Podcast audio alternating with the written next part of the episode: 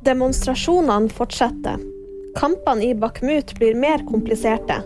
Og Hongkong dropper munnbindpåbudet. I dag stenger vi ikke bare Olje- og energidepartementet, de andre departementene som deler bygg med dem, og Landbruksdepartementet. I dag stenger vi staten. Tirsdag morgen fortsetter aksjonen mot vindturbinene på Fosen. Aksjonistene varsler opptrapping og vil tvinge statsminister Støre på banen. Aksjonistene demonstrerer mot at vindturbinene på Fosen ikke er revet. Over 500 dager etter at høyesterettsdom som slår fast at de er ulovlige. Kampene i Bakhmut blir mer og mer kompliserte.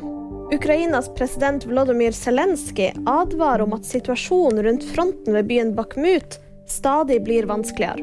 Det sa han i en tale mandag kveld. De harde kampene om industribyen Bakhmut i Donetsk har vært det lengste slaget under Russlands invasjon i Ukraina.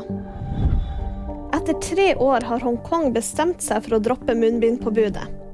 Det var det siste tiltaket byen hadde, som ble innført for tre år siden, da koronapandemien først starta. Nå skal innbyggerne i Hongkong slippe å bruke munnbind i offentligheten. Det var VG-nyheter, og de fikk du av meg, Live Auskar.